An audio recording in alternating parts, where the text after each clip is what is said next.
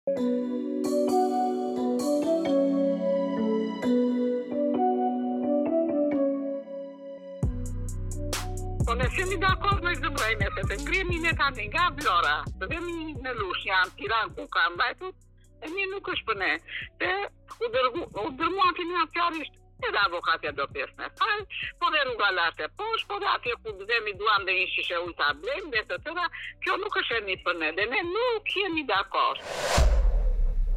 Mjaftime Zere prej kohësh po ndjek një çështje pronësie në Gjykatën e Vlorës. Me hartën e re gjyqësore çështja e saj do të transferohet në Tiranë, pasi Gjykata e Vlorës do të mbyllet. Unë jam Elira Kadriu dhe në këtë podcast do të dëgjojmë zërat e ekspertëve mbi vendimin e Këshillit të Lartë Gjyqësor për të krijuar një hartë të re, që shkriu tetëmbëdhjetë gjykata, duke reduktuar Gjykatën e Apelit në një të vetme në Tiranë.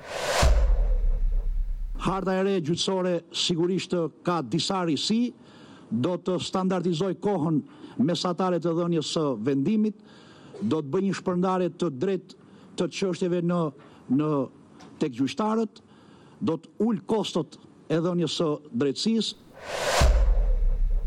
Për herë të parë Dhoma e Avokatisë organizoi një grevë e cila paralizoi sistemin gjyqësor për ditë me radhë dhe u shoqërua me një sërë protestash përpara Këshillit të Lartë Gjyqësor.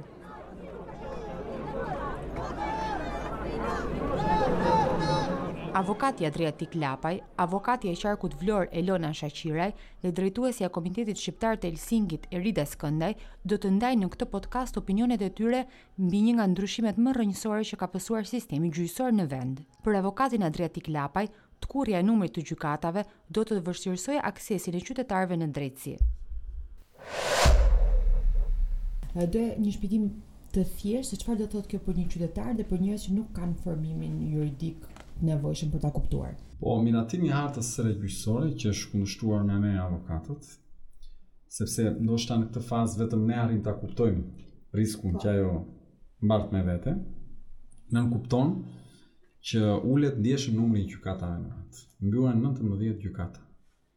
që do të thotë qytetarët për të pasur akses në drejtësi, tashmë do ta kenë më të vështirë, qoftë dhe nisur nga fakti që do ta kenë më larg fizikisht. Duke u mbyllur këto gjykata dhe duke u grupuar në gjykata në një pjesë të vogël të territorit, qytetarët e pjesëve periferike të vendit do ta kenë shumë të vështirë për t'i aksesuar. Dhe kjo do t'u rrisë kostot ekonomike për të shkuar, do t'u rrisë kostot sepse avokatët do t'u marrin më shumë pagesë, sepse distanca më e madhe, humbja e ditës punës, pra nëse një avokat kur e kish gjykatën në Gjirokastër të apelit bënte katër gjyqe në ditë aty, Tashmë për të ardhur në Tiranë do duhet që të lërë tre gjyqe të bëjë vetëm një në Tiranë. Ëh? Dhe të vijë. Ose do duhet të marrin avokat në Tiranë dhe kjo do të rrisë shumë kostot e qytetarëve. Problemi tjetër i madh që unë shoh dhe që komuniteti jonë sheh kryesisht lidhet me faktin se duke u përqendruar të gjitha në Tiranë, ka një risk të madh që ne t'i zbrazim këto qytetet periferike të vendit. Sepse imagjinoni një qytet si Gjirokastra, të ikin 100 avokatë, 50 ekspertë, se janë ekspertët që punojnë në gjykatë. Me gjykatën, ekspert psikolog, ekspert vlerësues dëmesh, mjeko-ligjorë, me radhë, me radhë. Të ikin uh, noterë dhe të përqendrohen në Tiranë, në Lushnjë, këtu ku vinë të gjitha gjykatat. Kjo është dëm shumë i madh për këto zona, sepse është dëm ekonomik, është dëm intelektual, sepse ulet numri i intelektualëve në zona. Nga ana tjetër ka një risk tjetër të madh sepse duke e larguar drejtësinë kryesisht administrative, pra gjykatat administrative nga këto zona, do të ndodhë që qytetarët dhe bizneset do të ndodhen përballë uh, arrogancës më të madhe të inspektorateve të shtetit shqiptar, të cilat e kanë më të lehtë tashmë të vendosin gjoba ose të bëjnë të marrin të bëjnë korrupsion. Pse? Se nëse deri dje kishte në Gjirokastër apo në Shkodër një gjykatë administrative apo në Korçë apo në Vlorë dhe qyteta apo në Durrës dhe qytetarët në zonat përkatëse në çdo gjobë që mund të vihej nga një inspektoriat, çdo vendim për heqje patente e me radhë me radhë. Çdo ankimim kundër vendimeve të kadastrave për të mos regjistruar pronat apo për të regjistruar pronat po që regjistrohen në kundërshtim me ligjin, ë deri dje e kishin më të lehtë, pasi e kishin më afër. Sot e kanë të vështirë. Pra, për një imagjino, duhet të vijë nga Konispoli për një heqje patente në Lushnjë. Domethënë më shumë rëndohen qytetarët e rretheve, në qoftë se bëjmë një krahasim me Tiranën? Qytetarët e Tiranës në pamje të parë nuk preken dhe kryesisht të Shqipërisë së Mesme.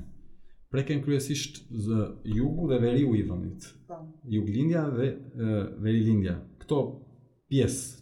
Pra, pjesët që rrethojnë qendrën e Shqipërisë. Por në afatgjatë unë mendoj që do preken shumë dhe qytetarët e Tiranës. Mm. Pse? Sot që ne flasim, gjykata e apelit të Tiranës ka 40.000 çështje. Ndërkohë gjykatat e apelit të pjesëve të tjera të vendit kanë rreth 54.000 çështje. në total, të pagjykuara, pra në proces, që do të mblidhen të gjitha në Tiranë do të thotë 94000 çështje në një gjykatë.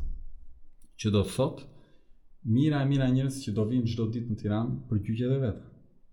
Do të thotë më shumë trafik. Do të thotë më shumë uh, ngarkesë për gjykatën e Tiranës. Do të thotë më shumë vonesa. Është thënë që është huazuar nga vendet perëndimore një sistem i tillë. A mund të bëjmë një krahasim të paktën me vendet e rajonit si është uh, situata atje nga është huazuar ky lloj sistemi? Ky lloj sistemi merr në referencë disa shtete, merr në referencë Holandën, Portugalinë, Moldavinë, Suedinë, Në Moldavi ka dështuar. Në Portugali ka dështuar. E pranon vetë raporti. Në vende si Holanda, Suedia, Danimarka ka pasur sukses. Tani po të bëni krahasimin kuptohet që kjo është shumë e lidhur me infrastrukturën dhe me shkallën e interceptimit të qytetarëve në internet edhe në aksesin përmes aksesit online. Ë, është sigurisht që në Holandë mund ta bësh gjykatën edhe 200 kilometra larg, sepse 200 kilometra i arrin për një orë e pak me trenat e shpejtësisë së lartë që ata kanë. Pra ata kanë akses, kanë uh, shërbim publik, transport publik shumë të përparuar. Nga ana tjetër popullsia është në një fazë të zhvillimit uh, social, intelektual, arsimor të tillë që ka një akses online shumë të madh dhe është mësuar me shërbim online.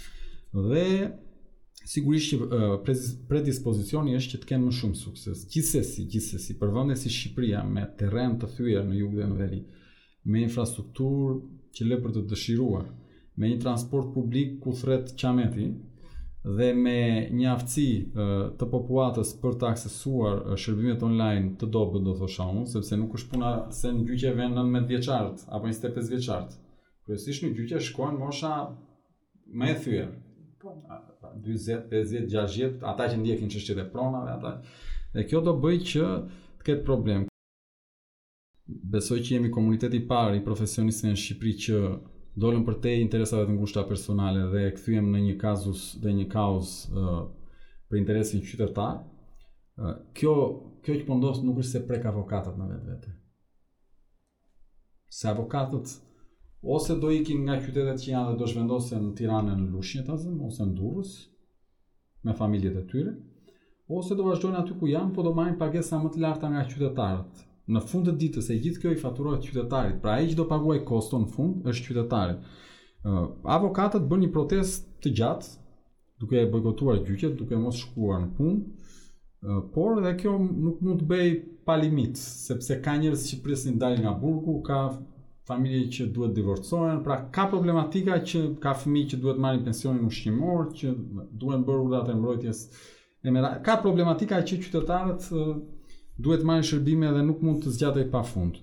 Tashmë beteja do vazhdojë në Gjykatë Kushtetuese, por unë dua të theksoj që është trishtuese për mua, që qytetarët edhe kësaj here nuk e kuptuan dëmin që u kanoset, riskun e madh. Mendon se mund të ishin më mbështetës të paktën në protestën që organizuat? Po duhet të qenë për vete, mo, jo për, dhe një, nuk qe protestë e avokatëve. Avokatët e iniciuan si grup i organizuar interesi.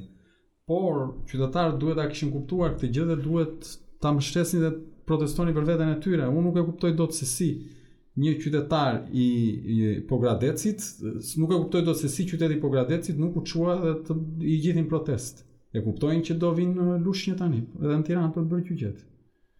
Si, si mund ta bësh? Si mundet që Që gjithë zonat e Gjirokastrës do vijnë në Tiranë për apelet dhe nuk u çua njeri.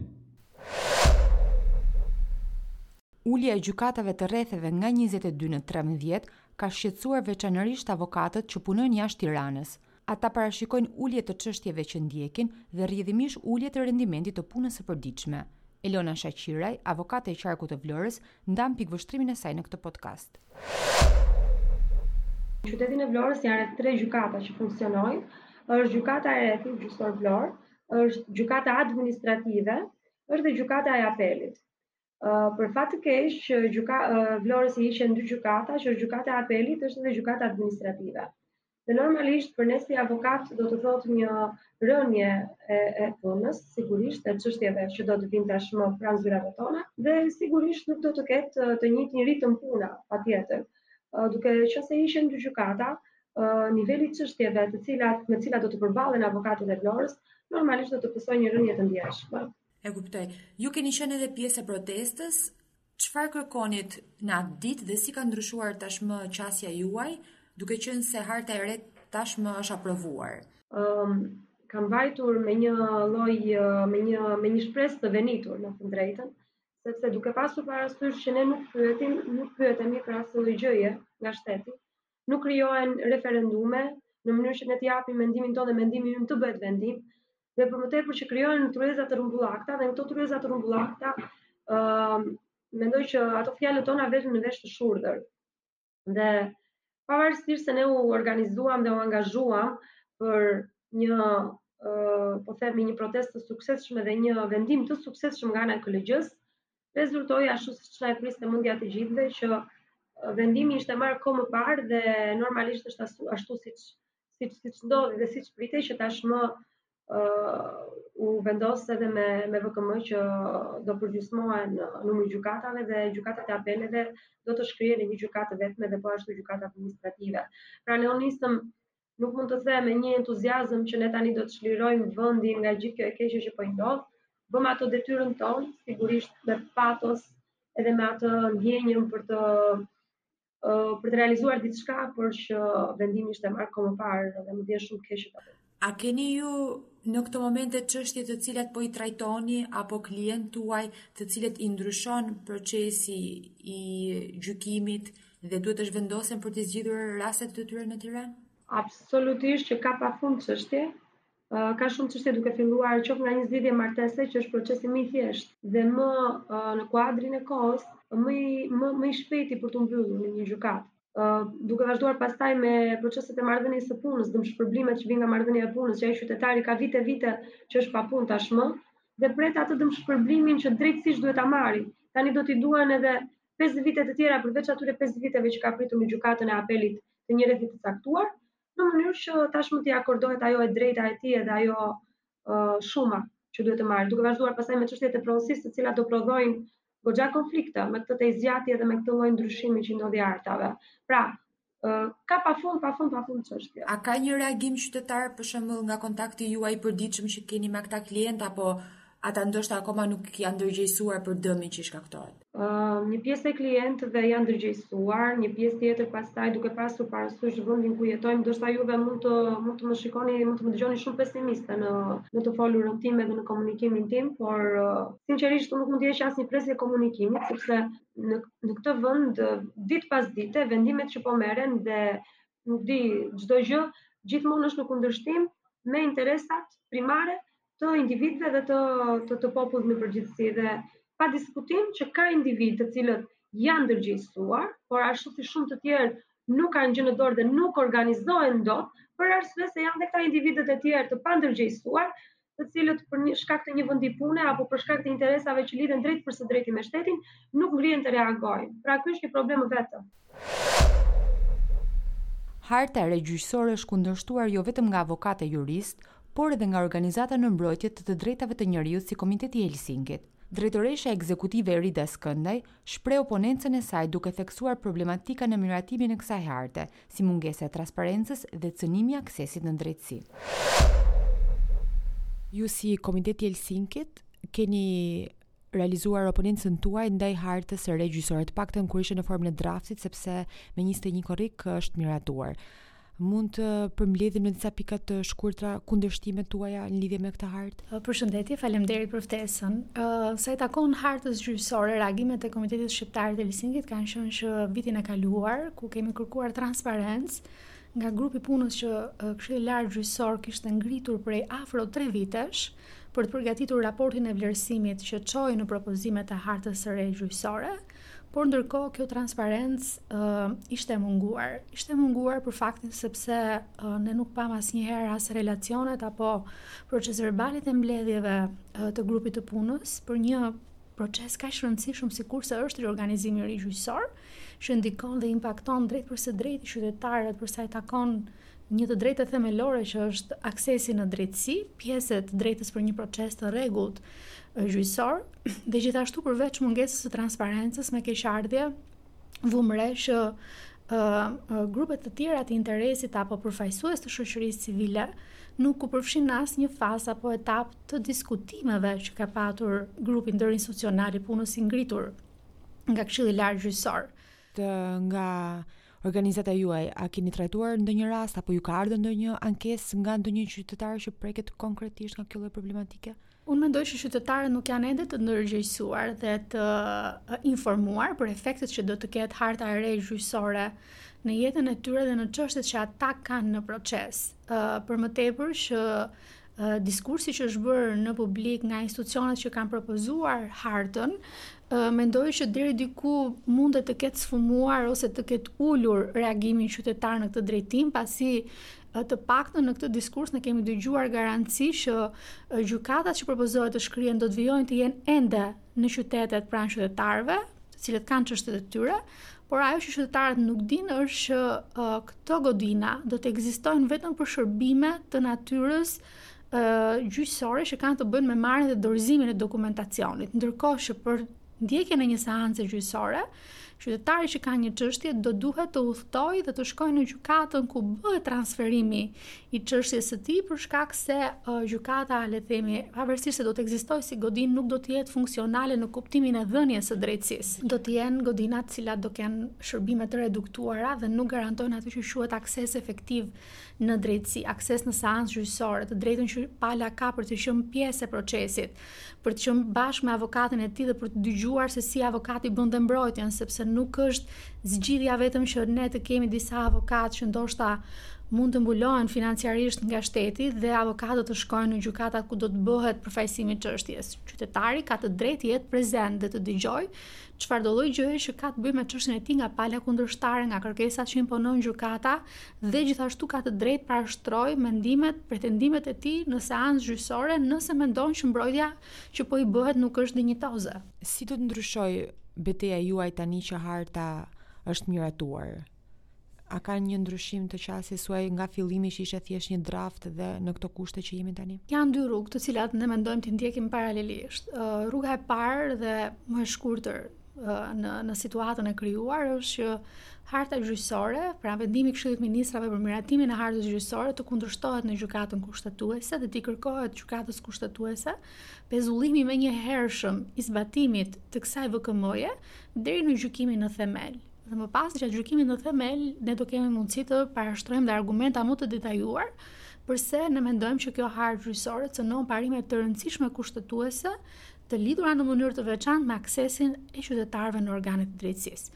Rruga e dytë ka të bëjë me zbatimin e hartës së re gjyqësore. Reforma në sistemin e drejtësisë, zbatimi i kësaj reforme kërkon kontribute shumë aktive të organizatave të shoqërisë civile për të monitoruar faza dhe etapa të ndryshme. Dhe jo vetëm Komiteti Shqiptar i Helsinkit, por dhe shumë organizata të tjera, unë mendoj që duhet të marrin seriozisht efektet që do të krijojë harta e re gjyqësore, për sa i takon nevojave të qytetarëve për akses në drejtësi, duke monitoruar nga afër të gjitha ato gjykata të cilat do të shkrihen dhe çështjet të cilat do të kalojnë nga këto gjykata pranë gjykatave ku propozohet të bëhet shkrirja, si do të ndikojnë në jetën e qytetarëve dhe cilat do të jenë vështirësitë që këta qytetarë mund të ndjekin, pasi këto problematika, të cilat do të shikohen nga zbatimi i hartës së re gjyqësore, mund të kontribuojnë në një të ardhme për reflektime dhe për rishikim të hartës gjyqësore. Si cënohen të drejtat e mia si qytetar nga kjo hartë e re gjyqësore nga aksesi në juridiksion dhe veprimtaritë e tjera gjyqësore që ne mund të kemi, duke qenë që ne pretendojmë të jemi qytetarë të Bashkimit Evropian dhe me hapjen e negociatave, si si mund të afektohet një qytetar në sensin se cilat të drejta preken edhe sipas konventave ndoshta europiane dhe ndërkombëtare. Atëherë, në mënyrë të drejtpërdrejtë preket e drejta për një proces të rregullt, gjyqësor dhe ligjor, parashikuar në nenin 6 të Konventës Europiane të Drejtave të Njeriut, e cila pjesë të saj ka aksesin në drejtësi.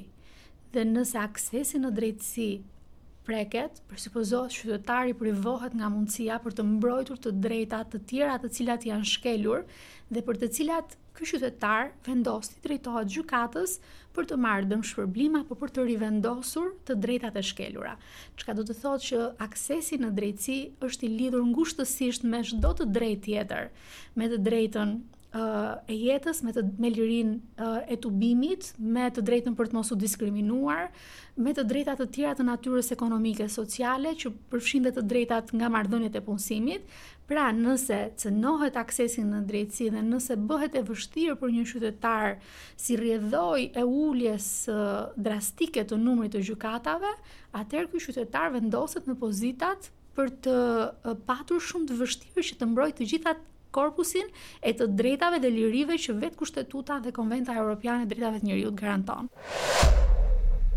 Aplikimi i hartës së re do të nisë më një shkurt të dy mijë e njëzet e treshit, sipas ministrit të Drejtësisë, Ulsi Manja. Por tashmë mbetet përballja në Gjykatën Kushtetuese, ajo e cila do t'i japë fund dilemave. Ky ishte podcasti Zëra nga Citizens Channel. Na ndiqni në Google Podcast, Anchor dhe Spotify për të dëgjuar atë që ka rëndësi.